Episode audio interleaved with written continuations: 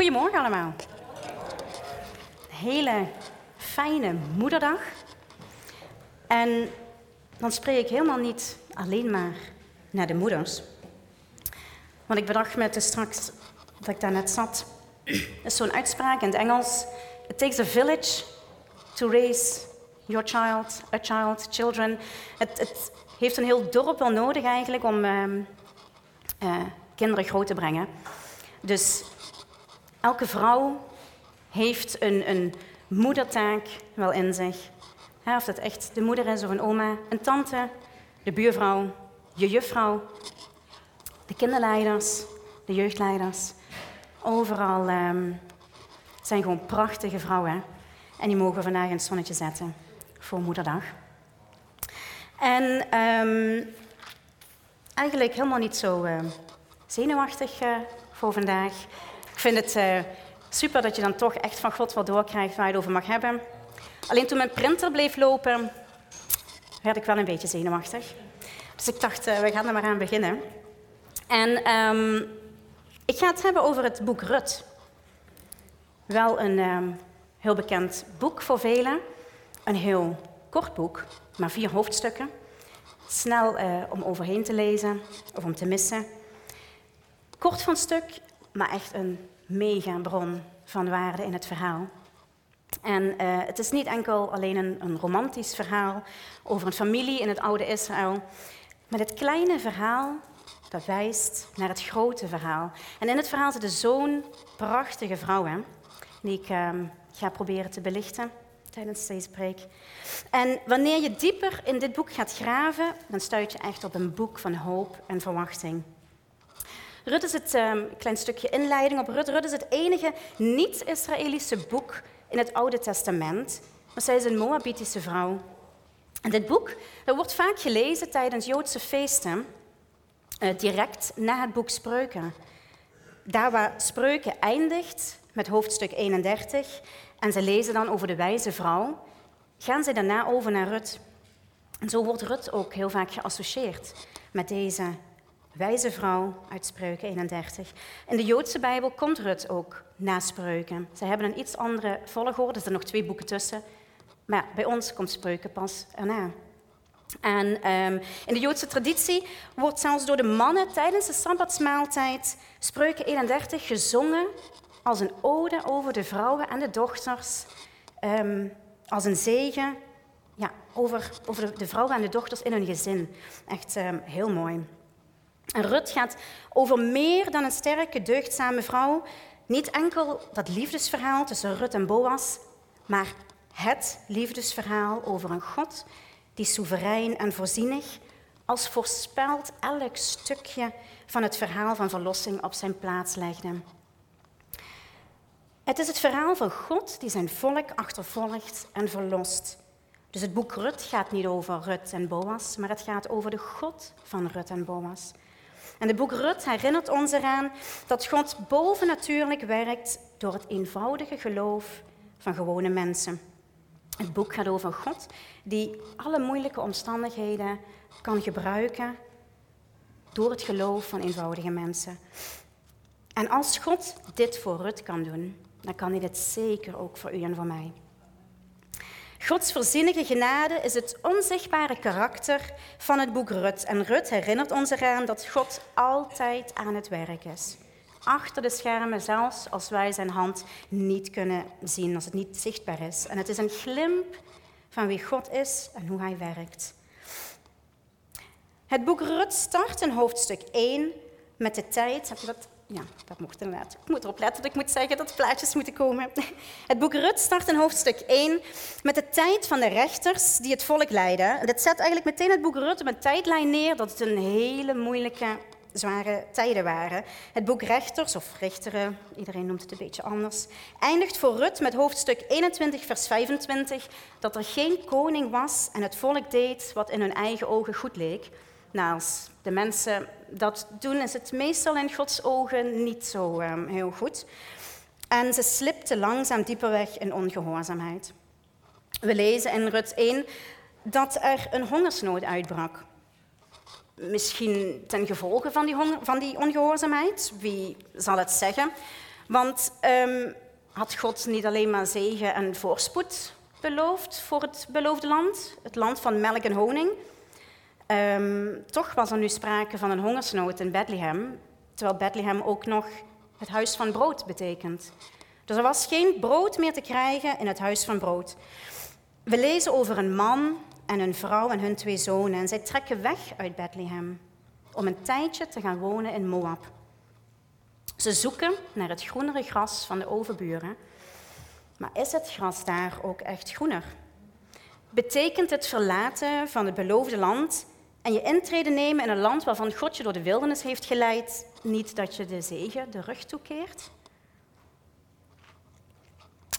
Elimelech heet de man, wat betekent mijn God is koning.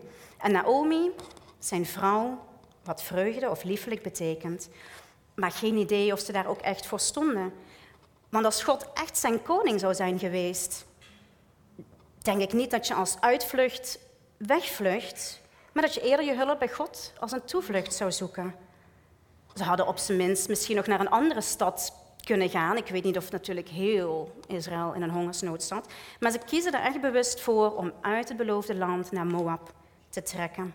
Ze hebben twee zonen, eh, Machlon, wat ziek betekent, en Giljon, wat wegkwijnend betekent. Nou, dat zegt wel iets over de situatie waarin ze verkeerden. Het klinkt niet echt heel hoopvol.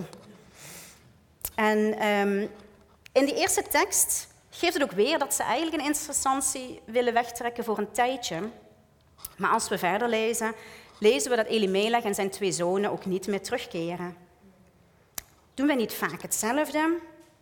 Dat we wel denken dat we voor even kunnen wegtrekken uit het beloofde land? Dat we zelf wel goed weten hoe, wat het beste is voor ons leven? Dat we Gods weg niet nodig denken te hebben? Zijn weg is altijd de beste. God was en is altijd voorzienig aan het werk. Hoe moeilijk dat soms ook te begrijpen is. En het einde van Rechters 21, vers 25, voordat Rut begint, spreekt over die tijd dat er geen koning was in Israël, maar toch de stad is waar later de grootste koning van Israël zou worden grootgebracht. 1 Samuel 16, vers 1 noemt koning David.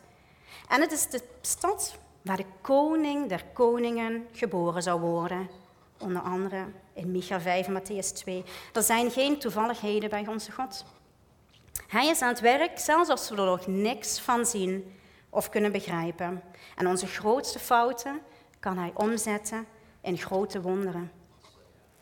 Verder in Rut 1 lezen we over de sterfte van Elimelech en dat de twee zonen trouwen met een Moabitische vrouw, Orpa en Rut. Maar tien jaar later sterven deze twee zonen van Naomi. De situatie zag er somber en donker uit, maar God was aan het werk. Zonder man en kinderen om voor haar te zorgen, was ze bijna hulpeloos in deze door mannen gedomineerde samenleving. En vanuit het perspectief van de mens was Naomi eigenlijk gewoon hulpeloos. Maar God zag elke beproeving waarmee ze te maken had. Hij zag haar. Hij wist wat het resultaat was van haar eigen slechte keuzes en wat het resultaat was van de omstandigheden van haar leven. Maar door dit alles heen had hij een plan voor haar welzijn. Als een liefdevolle vader roept hij haar om naar huis te komen, naar Bethlehem. Maar nog meer dan dat roept hij haar om thuis te komen, terug bij hem. Het boek Rut, en specifiek dit eerste hoofdstuk, gaat over terugkeren, herstelling en doen herleven. En het wijst op Gods verbondsgenade door zijn volk tot hem terug te roepen. Het is een terugkeer naar Gods genade en op zoveel manieren moeten wij dat ook elke dag. Terugkeren naar zijn genade om herstel en opwekking te vinden in zijn woord. Naomi bevond zich midden in een vreemd land en ver van waar ze had moeten zijn. En God riep haar en trok haar terug naar zich toe.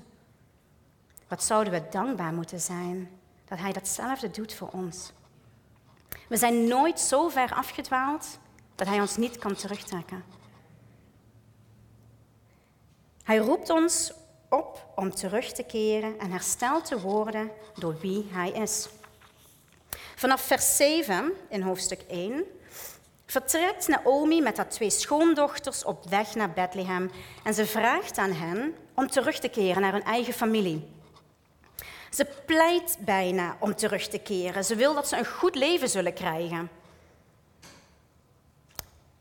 En als ze zouden blijven in Moab, dan zou dat de makkelijkste keuze zijn.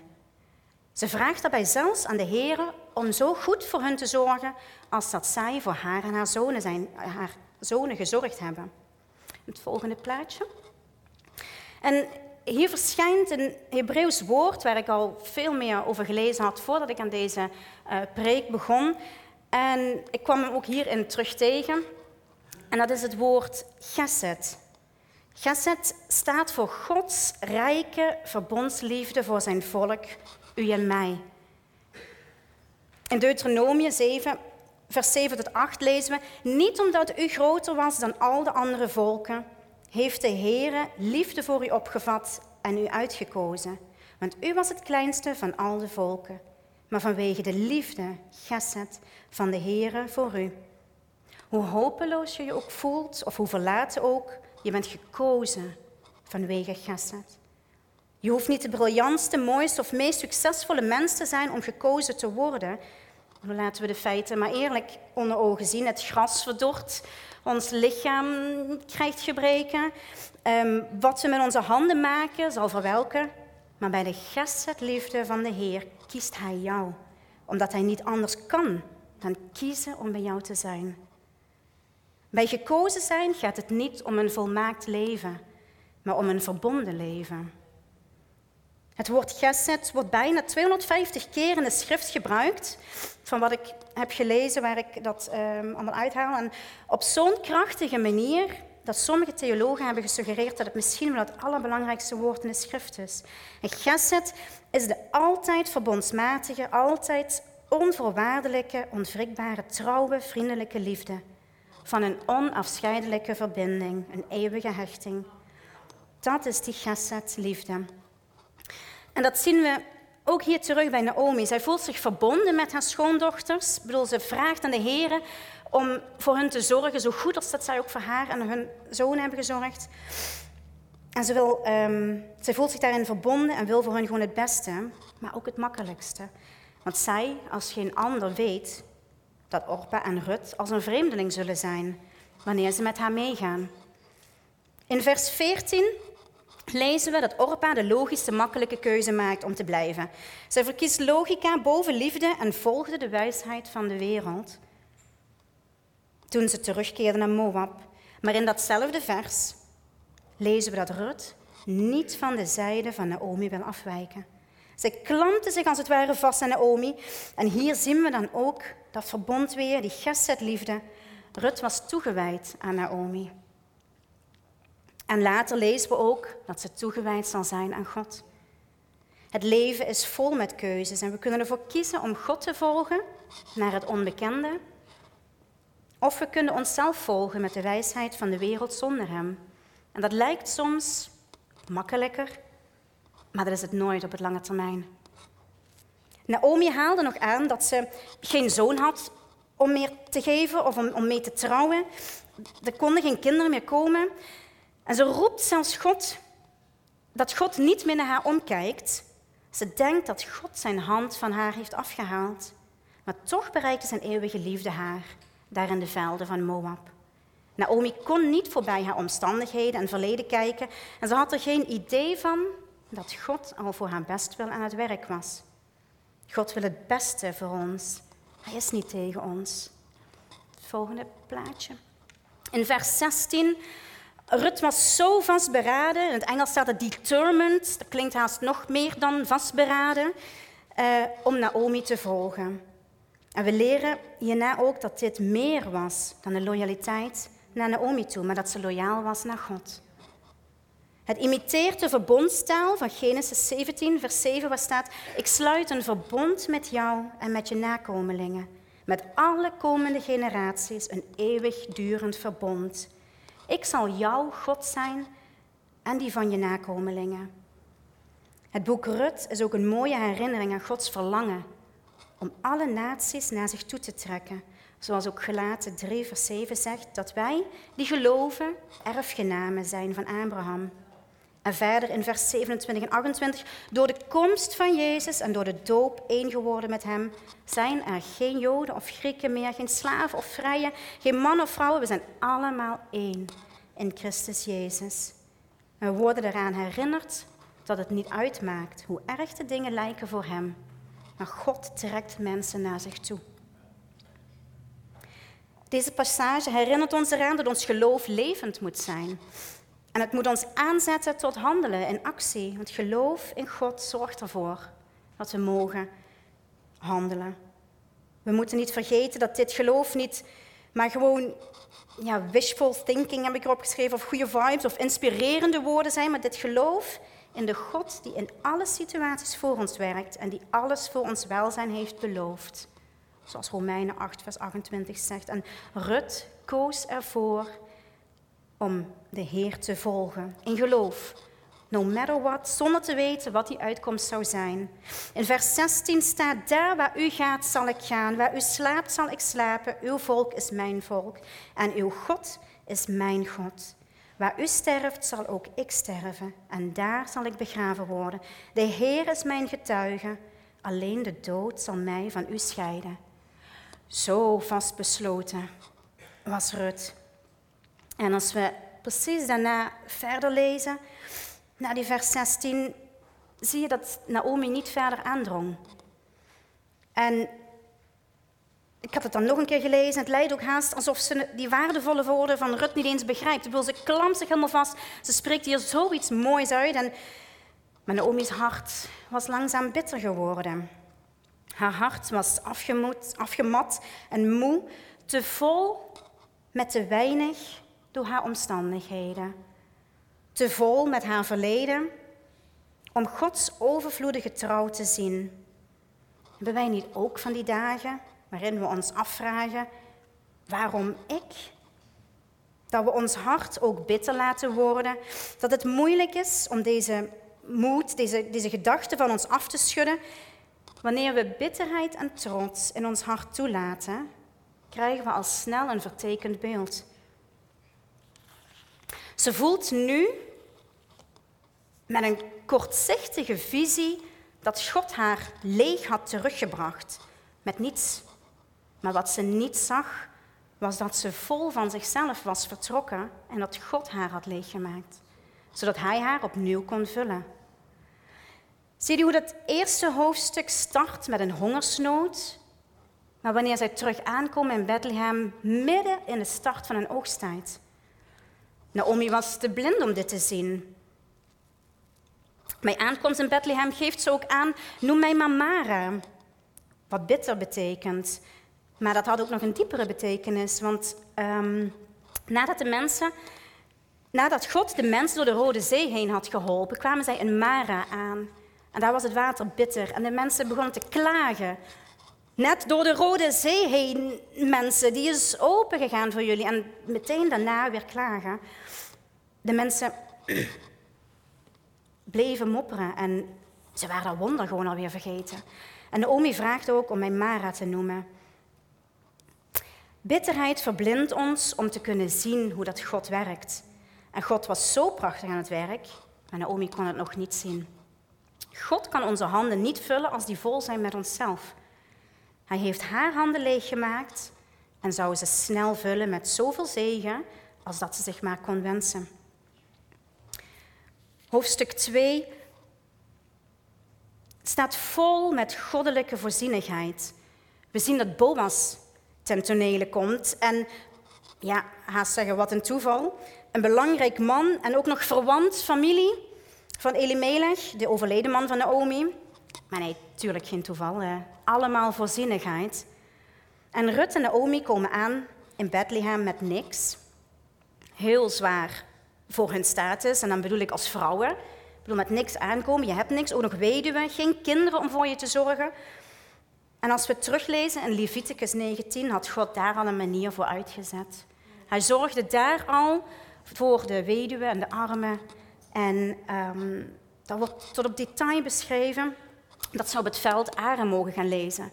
De aren mogen ze gaan oprapen wat allemaal gevallen wordt, of wat gevallen valt, wat valt.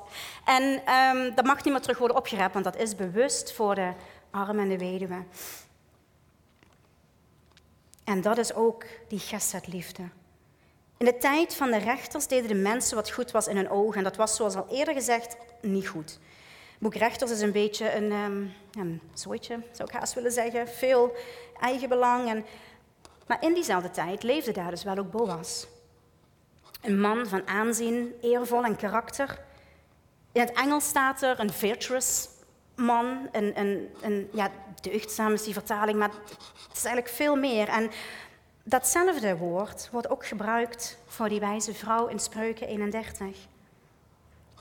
Rut was geen vrouw die in zak en as ging zitten. Ze wilde werken. Ze wilde natuurlijk ook voor haar schoonmoeder zorgen. Daarvoor was ze ook meegegaan. En we moeten dat verhaal niet overromantiseren. Ik bedoel, het was natuurlijk niet zoals we dat verhaal uitlezen dat we denken, nou, we gaan even naar het veld en we gaan op zoek naar een echtgenoot. Uh, nee, ze was onzeker, hongerig, komt in een vreemd land. Um, ze wist niet wat er ging komen, maar ze kende wel degene die dat wel wist. En ze deed gewoon wat ze kon. Ze was God trouw in de kleine dagelijkse taken en vertrouwde erop dat Hij haar trouw zou zijn. En degene die de toekomst in handen heeft, houdt zo ook ons vast. Vers 4 van 2 zien we dat Boas arriveert bij zijn veld en hij groet iedereen met de zin: De Heer zij met jullie. Ik dacht, wauw, wat een baas. als je op je werk bent en uh, je baas komt even langs, geweldig. En hij vraagt wat na aan de andere werkers over Rut, wie ze is, en krijgt te horen dat ze de Moabitische vrouw is die met Naomi teruggekomen is en dat ze al de hele dag aan het werk is, uh, zonder amper een pauze te nemen. En waarna hij haar zelf ook ehm, direct gaat aanspreken. Volgende plaatje. In vers 8 ehm, spreekt hij haar aan en luister goed, mijn dochter. Je moet niet naar een andere akker gaan om aren te lezen. Ga hier niet weg, maar blijf dicht bij de vrouwen die voor mij werken. Volg ze op de voet en houd je ogen gericht op het veld waar gemaaid wordt. Ik zal mijn mannen zeggen je niet lastig te vallen. Als je dorst hebt, ga dan naar de kruiken en drink van het water dat ze daar scheppen. Meteen vanaf de eerste interactie zie je het beeld van Jezus. Jezus maakt van verstotene vreemdelingen dochters. Hij identificeert ons niet met ons verleden, maar geeft ons een nieuwe identiteit in Hem. Deze ontmoeting met Boas is voor Rut waarschijnlijk een eerste lichtstraal in dit vreemde land. Boas toont Rut waardigheid en eer door haar vrij te laten eten en drinken en door haar te beschermen door de mannen te bevelen haar niet aan te raken. Boas betoonde haar gunst. Hij toonde haar gratie en die oprechte liefde die God hem getoond had. Boas' behandeling van Rut is een prachtig beeld van wie Jezus voor ons is. Jezus roept ons op om vrij aan zijn tafel te eten en het water des levens te drinken. Waar ik ook bij bepaald werd bij dit stukje, was dat daar waar Boas zegt, luister goed, mijn dochter. Toen dacht ik, nou, Rut moest eens weten, ik word straks een vrouw. Maar, zoals wij ook de bruidegom van Jezus mogen zijn, maar hij zegt, je moet niet naar een andere akker gaan. Oftewel, wijk niet af van hetgeen dat God je geeft. Vertrek niet uit het beloofde land wat God je geeft. Lees hier de aren. Zet je in op dit veld, zet je in in deze gemeente. Ga hier niet weg, maar blijf dicht bij de vrouwen die voor mij werken, zegt Boas. Omring je met de mensen van de gemeente, omring je met goede personen, met de mensen die werken voor Boas, die werken voor God. Volg ze op de voet en houd je ogen gericht op het veld waar gemaaid wordt. Kijk goed naar de mensen om je heen die wellicht verder in hun geloofsleven staan. Volg hen, leer van hen. Net, ik had even snel gekribbeld uh, tijdens het zingen, dat lied van Houd vol. Daar zingen we de hel, daar zingen we over de helden om ons heen. De schouders waar wij op mogen staan. Dat zijn die mensen die hier al op dat veld zijn, waar we naar mogen omkijken. Dus wijk niet af van dat akker.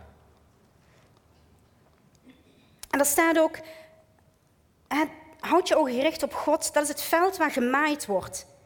Gemaaid wordt. Er staat niet gezaaid, dat is daarvoor al gedaan, maar nu wordt er gemaaid. Er worden vruchten geplukt, in dit geval aren. Dus de plek die God voor jou bedoeld heeft, daar mag jij je vruchten plukken voor Hem. In de velden van Boas kwam Rut arm aan, maar vertrok ze met meer dan genoeg in overvloed naar huis. Jezus is meer dan genoeg voor ons. We hoeven maar naar het kruis te kijken om Zijn liefde en genade te zien. Vanaf vers 10 in hoofdstuk 2 verder zien we dat Rut neerbuigt voor Boas en zich afvraagt waar ze het allemaal aan te danken heeft. En Boas vertelt haar dat hij alleen maar goede dingen over Rut gehoord heeft. Na de dood van haar man, bij Naomi gebleven, haar eigen familie en land achtergelaten om als vreemdeling hier in Bethlehem te komen wonen. Ik denk dat Boas als geen ander heel goed weet hoe het is om als een vreemdeling ergens te moeten verblijven. Zijn moeder was immers ook een vreemdeling voor de Israëlieten destijds. Dat was Rachab. In vers 12 beschrijft Boas naar Rut toe dat de Heer je rijkelijk mag zegenen, want je hebt je toevlucht genomen onder zijn vleugels. In de psalmen kunnen we dit beeld meermaals teruglezen, te mogen schuilen onder zijn vleugels. En wat ons laat zien dat God de beschutting en veiligheid is voor zijn kinderen. Dit beeld brengt ook een herinnering terug naar de ark van het verbond en de vleugels die het verzoendeksel beschermen. Het is het kruis zelf met zijn uitgestrekte armen dat ons wijst naar de uitgestrekte armen van onze liefdevolle God. En Boas spreekt over de God van Israël als haar God, waarmee hij opnieuw laat zien dat ze niet langer een vreemdeling of een verschoppeling was. Vanaf 14 lezen we verder dat Rut mee eet in de middag samen met de andere arbeiders, terwijl ze niet eens een loondienst was. En Boas gaf daarna nog instructies aan de, armen, of aan, de, ehm, aan de andere werkers om meer aren te laten vallen voor Rut, dat ze die ook mocht oprapen. Wat een goedheid van Boas naar Rut toe. En Rut eindigt die lange werkdag met een eva gerst, staat er. Ik heb het eens opgezocht. En er zijn wel wat verschillen, maar heel vaak komt het toch uit op 40 kilo uitgeklopt staat er. Dus geen stro, dus echt alleen de gerst. Dat is echt een hoop. Natuurlijk is Naomi verbaasd uh, wanneer Rut thuis komt aan het einde van de dag, dat ze met zo'n hoeveelheid gerst thuiskomt en ook nog eten wat over was van het middagmaal. Het volgende plaatje. In vers 19 zegt ze zelf, gezegend de man die zo goed voor jou is geweest. En toen Rut vertelde dat deze man Boas heette, zei Naomi nog eens een keer tegen haar schoondochter. Mogen de Heer hem zegenen, want hij heeft trouw beloofd aan de levenden en aan de doden. Deze zegening waarover ze spreekt, is meer dan een oppervlakkige zegening, of wat je wel eens even zo hashtag blessed uh, tegenkomt op sociale media. Deze zegen is Gods gunst en bescherming. Dat was geen materiële zegening, maar de zegeningen waar God altijd voor zijn kinderen werkt. En hier zien we hoe Naomi's hart verzacht, terwijl Gods trouwe liefde barrières van bitterheid opbreekt. Ze begon in te zien dat God ondanks alles trouw was geweest. Vriendelijkheid is hier ook dat gesed, het verbond, die trouwe en standvastige liefde van God. Naomi's bittere hart begon te smelten. Toen ze begon in te zien dat God voor haar werkte. In trouw en standvastige liefde. Voor Naomi was de naam Boas waarschijnlijk die lichtstraal in haar donkere omstandigheden. In haar hopeloze situatie wordt ze ineens herinnerd aan Boas. De bloedverwant, de losser. Ze had eigenlijk wel moeten weten dat hij er nog was. Maar ze was hem vergeten. En God zorgt ervoor dat ze toch weer met hem in contact komt. En het noemen van de naam Boas opent voor haar opeens die zegen van de Heer. Hoofdstuk 3, vers 1 start met: Op een dag zei Naomi, haar schoonmoeder, Mijn dochter, zal ik niet een thuis voor je zoeken waar het je goed zal gaan? En Rut De hoofdpersonage is een jonge weduwe in een vreemd land. Ja, ze is ook een jonge vrouw die zich tot God heeft gewend. En in een cultuur waar het ehm, veel vaker ehm, wel dan niet zo is dat huwelijken gearrangeerd worden, zou Naomi die grote verantwoordelijkheid wel op haar schouders hebben gevoeld.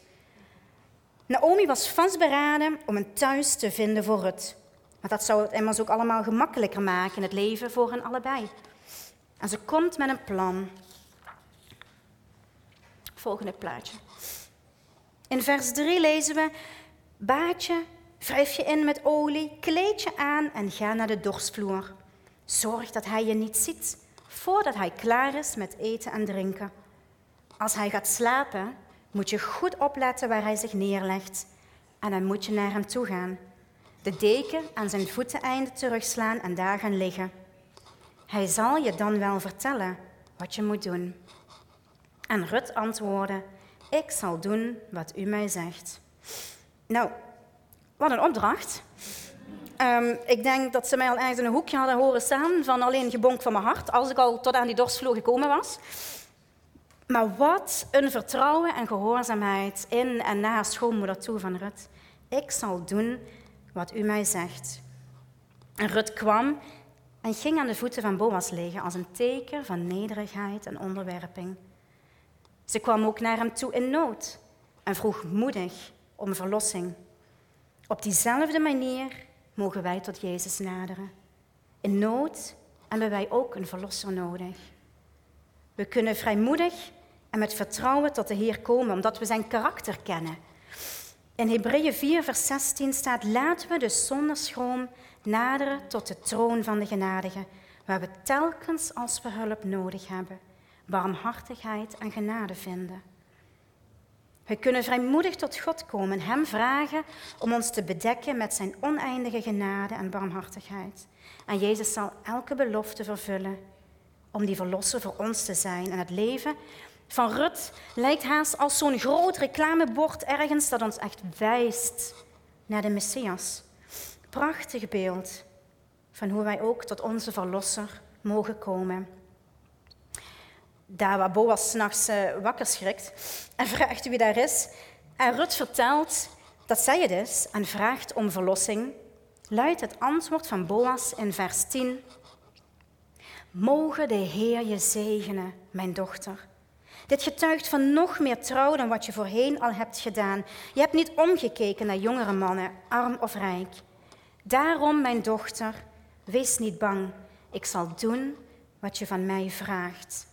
Iedereen in de stad weet immers dat je een bijzondere vrouw bent. Boas zegt hier iets over Rut. Een bijzondere vrouw. En in andere vertalingen staat een nobele vrouw, of weer die virtuous woman. Deugdzame vrouw, zoals dat ook in die spreuken 31 staat. En mooi ook hoe hij beschrijft dat de hele stad waardig over haar spreekt. Haar karakter sprak voor zich. Heel Bethlehem wist hoeveel ze van God hield en hoe ze opofferend veel van Naomi hield. Als vrouw hebben we ook natuurlijk dat soort, ja, macht klinkt zo raar, maar om, om het klimaat van ons eigen huis en de mensen om ons heen te beïnvloeden. Mannen ook hoor. Maar ik zal vandaag tot de vrouwen spreken. Maar welke invloed hebben wij? Weten de mensen om ons heen dat we vrouwen zijn die de Heer lief hebben? Staan we bekend om die opofferende liefde en dienstbaarheid? Als we willen worden als Hem, zullen we tijd met Hem moeten doorbrengen, zodat we bekend mogen staan als Zijn volk. Boas is eerlijk en geeft aan dat er officieel nog een losser is. Hij zegt ook niet meteen dat hij de losser zal zijn, maar hij geeft Rut het vertrouwen dat hij het regelt. In de ochtend stuurt hij haar naar huis, nog voordat iemand anders haar zou kunnen herkennen. In vers 17 staat dat hij haar niet met lege handen laat terugkeren. Zie hoe vol overvloed Rut terugkeert bij Naomi. Waarvan Naomi eerst zei in hoofdstuk 1, vers 21. Toen ik hier wegging, had ik alles, maar de Heer heeft mij met lege handen laten terugkomen. Hoe snel denken we dat wij leeg zijn of dat we vergeten zijn. Maar dit is gewoon weer een herinnering dat God zijn kinderen nooit leeg achterlaat. Onze God is degene die zijn volk vervult met overvloedige verlossing en zijn standvastige liefde voor ons uitstort. Hij laat ons niet leeg achter.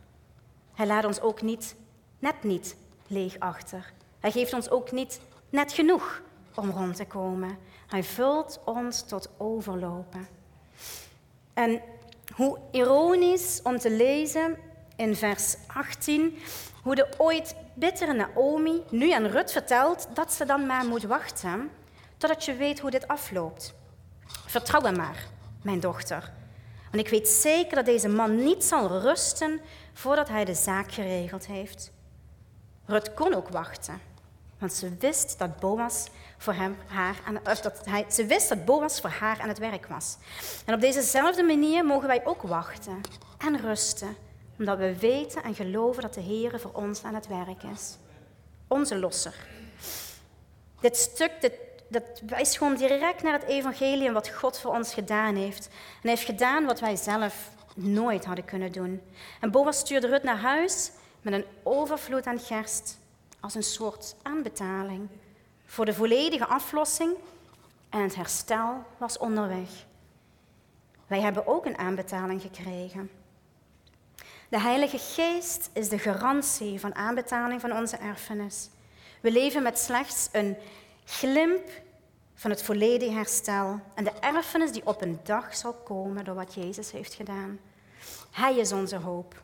Hij is onze voorziener. Hoofdstuk 3 startte met het verlangen van Naomi om rust te vinden voor Rut. En het eindigt met de zekerheid dat Boas niet zou rusten totdat de verlossing verzekerd was. Hoofdstuk 4 start met actie van Boas.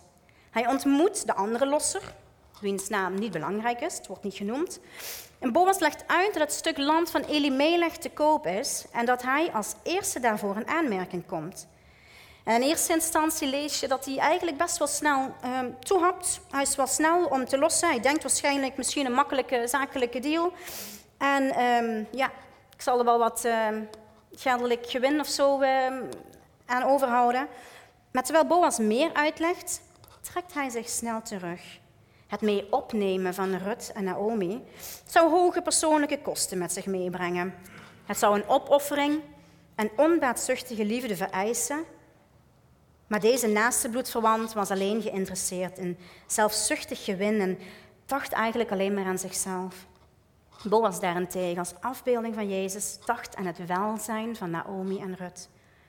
De losser, wiens naam niet genoemd wordt, miste het deel van het verhaal van verlossing, omdat hij op zichzelf gericht was in plaats van op God te vertrouwen. Maar Boas was bereid om door God gebruikt te worden. Hij was bereid om die prijs te betalen. Hij betaalde met vreugde de prijs, hoewel hij niets te winnen had bij deze transactie. Rut is gekocht met een prijs. En 1 Korinthe 6, vers 20 vertelt ons ook dat wij gekocht zijn met een prijs. We zijn gekocht met de prijs van het leven van onze Heer Jezus en zijn kostbare bloed. Boas zou de verantwoordelijkheid op zich nemen om voor Rut te zorgen. En Jezus heeft die verantwoordelijkheid op zich genomen om voor ons te zorgen. De getuigen waarover gesproken wordt, die bij die, die ceremonie aanwezig zijn, er moeten zo getuigen zijn wanneer je zo'n, zo'n um, iets met een erfdeel wilt, wilt regelen. En die getuigen verzamelden zich in vreugde voor deze huwelijksceremonie. Iedereen houdt van een mooi liefdesverhaal. En dit is een mooi liefdesverhaal, maar omdat het verwees naar het grote liefdesverhaal aller tijden. De getuigen baden dat God Rut zou zegenen zoals hij Rachel en Lea zegende. Want het was door Rachel en Lea en hun dertien kinderen dat God de familie van zijn uitverkoren volk zou bouwen. De mensen baden dat God Israël zou bouwen door Rut heen. Ze wisten nog niet hoe wonderbaarlijk dat gebed beantwoord zou worden. Rut en Boas trouwen als een prachtig beeld van Gods liefde. En God zou de eens zo gesloten baarmoeder van Rut openen voor een zoon. Ze was immers al tien jaar getrouwd met Machlon en daar waren ook nog geen kinderen.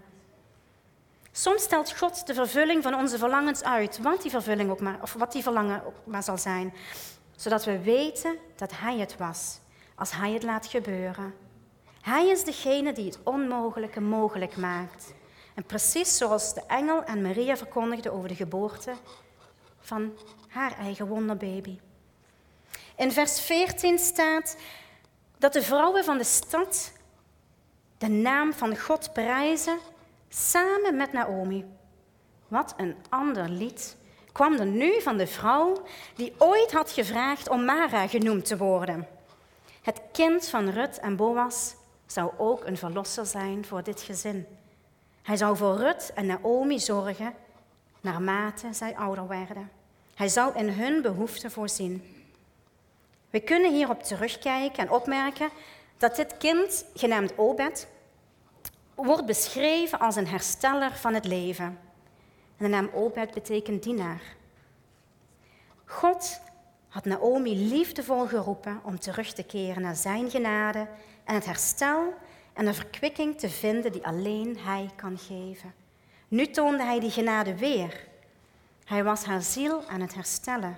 Haar kleinzoon zou een hersteller zijn en hoop voor de toekomst brengen.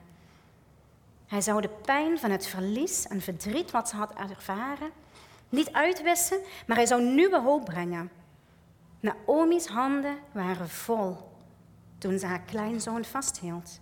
En haar hart was vol toen ze Gods trouw door dit alles heen zag. Haar leven was niet makkelijk geweest, maar haar God was haar trouw geweest. En deze babyjongen die zou groeien om in haar behoeften te voorzien en haar leven te herstellen, wees natuurlijk uiteindelijk alleen maar naar die andere babyjongen, die onder wonderbaarlijke omstandigheden in dezelfde stad Bethlehem zou worden geboren. We komen aan het einde van het boek Rut. En dit boek um, eindigt met een stamboom. En velen lezen daar misschien uh, overheen, want ja, in sommige boeken heb je nogal hele lange ellenlijsten namen, die ook meestal niet eens goed uit te spreken zijn. Maar deze is niet zo lang en wel heel belangrijk. We lezen hier dat Boas Obed krijgt.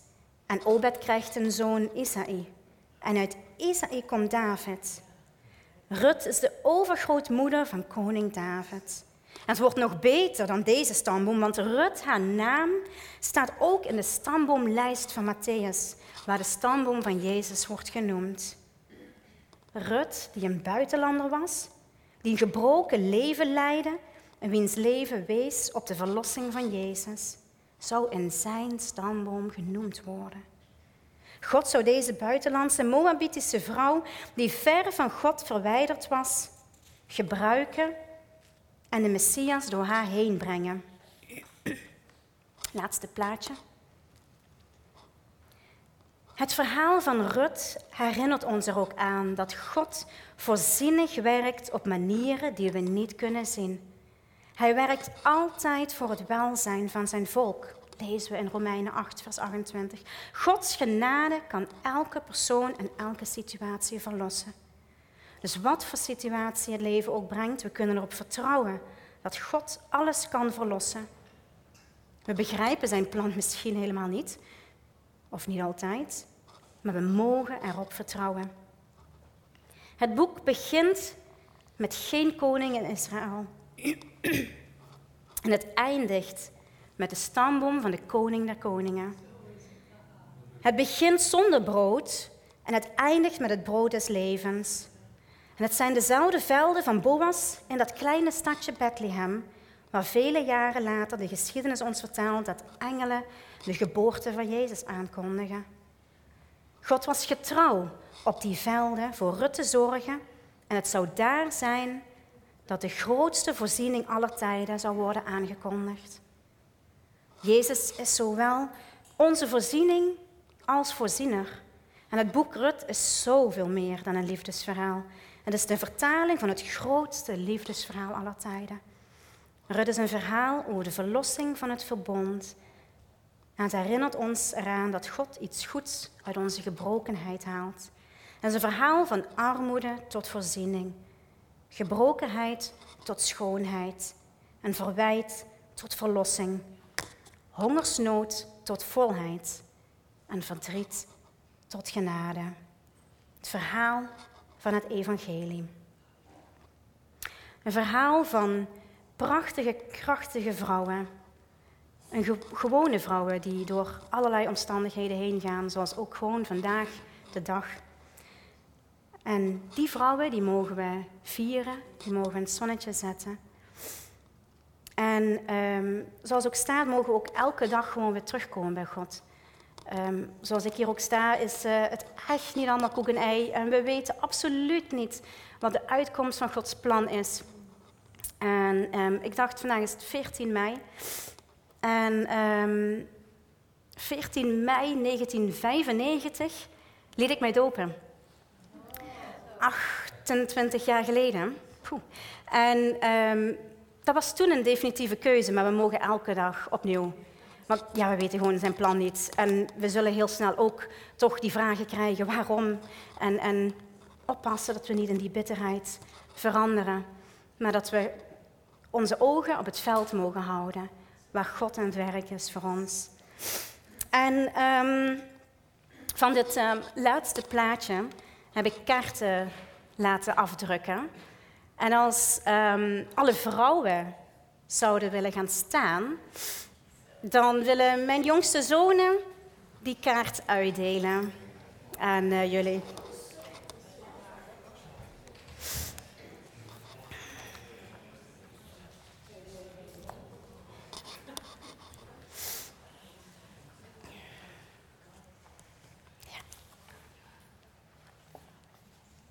Nee, ik heb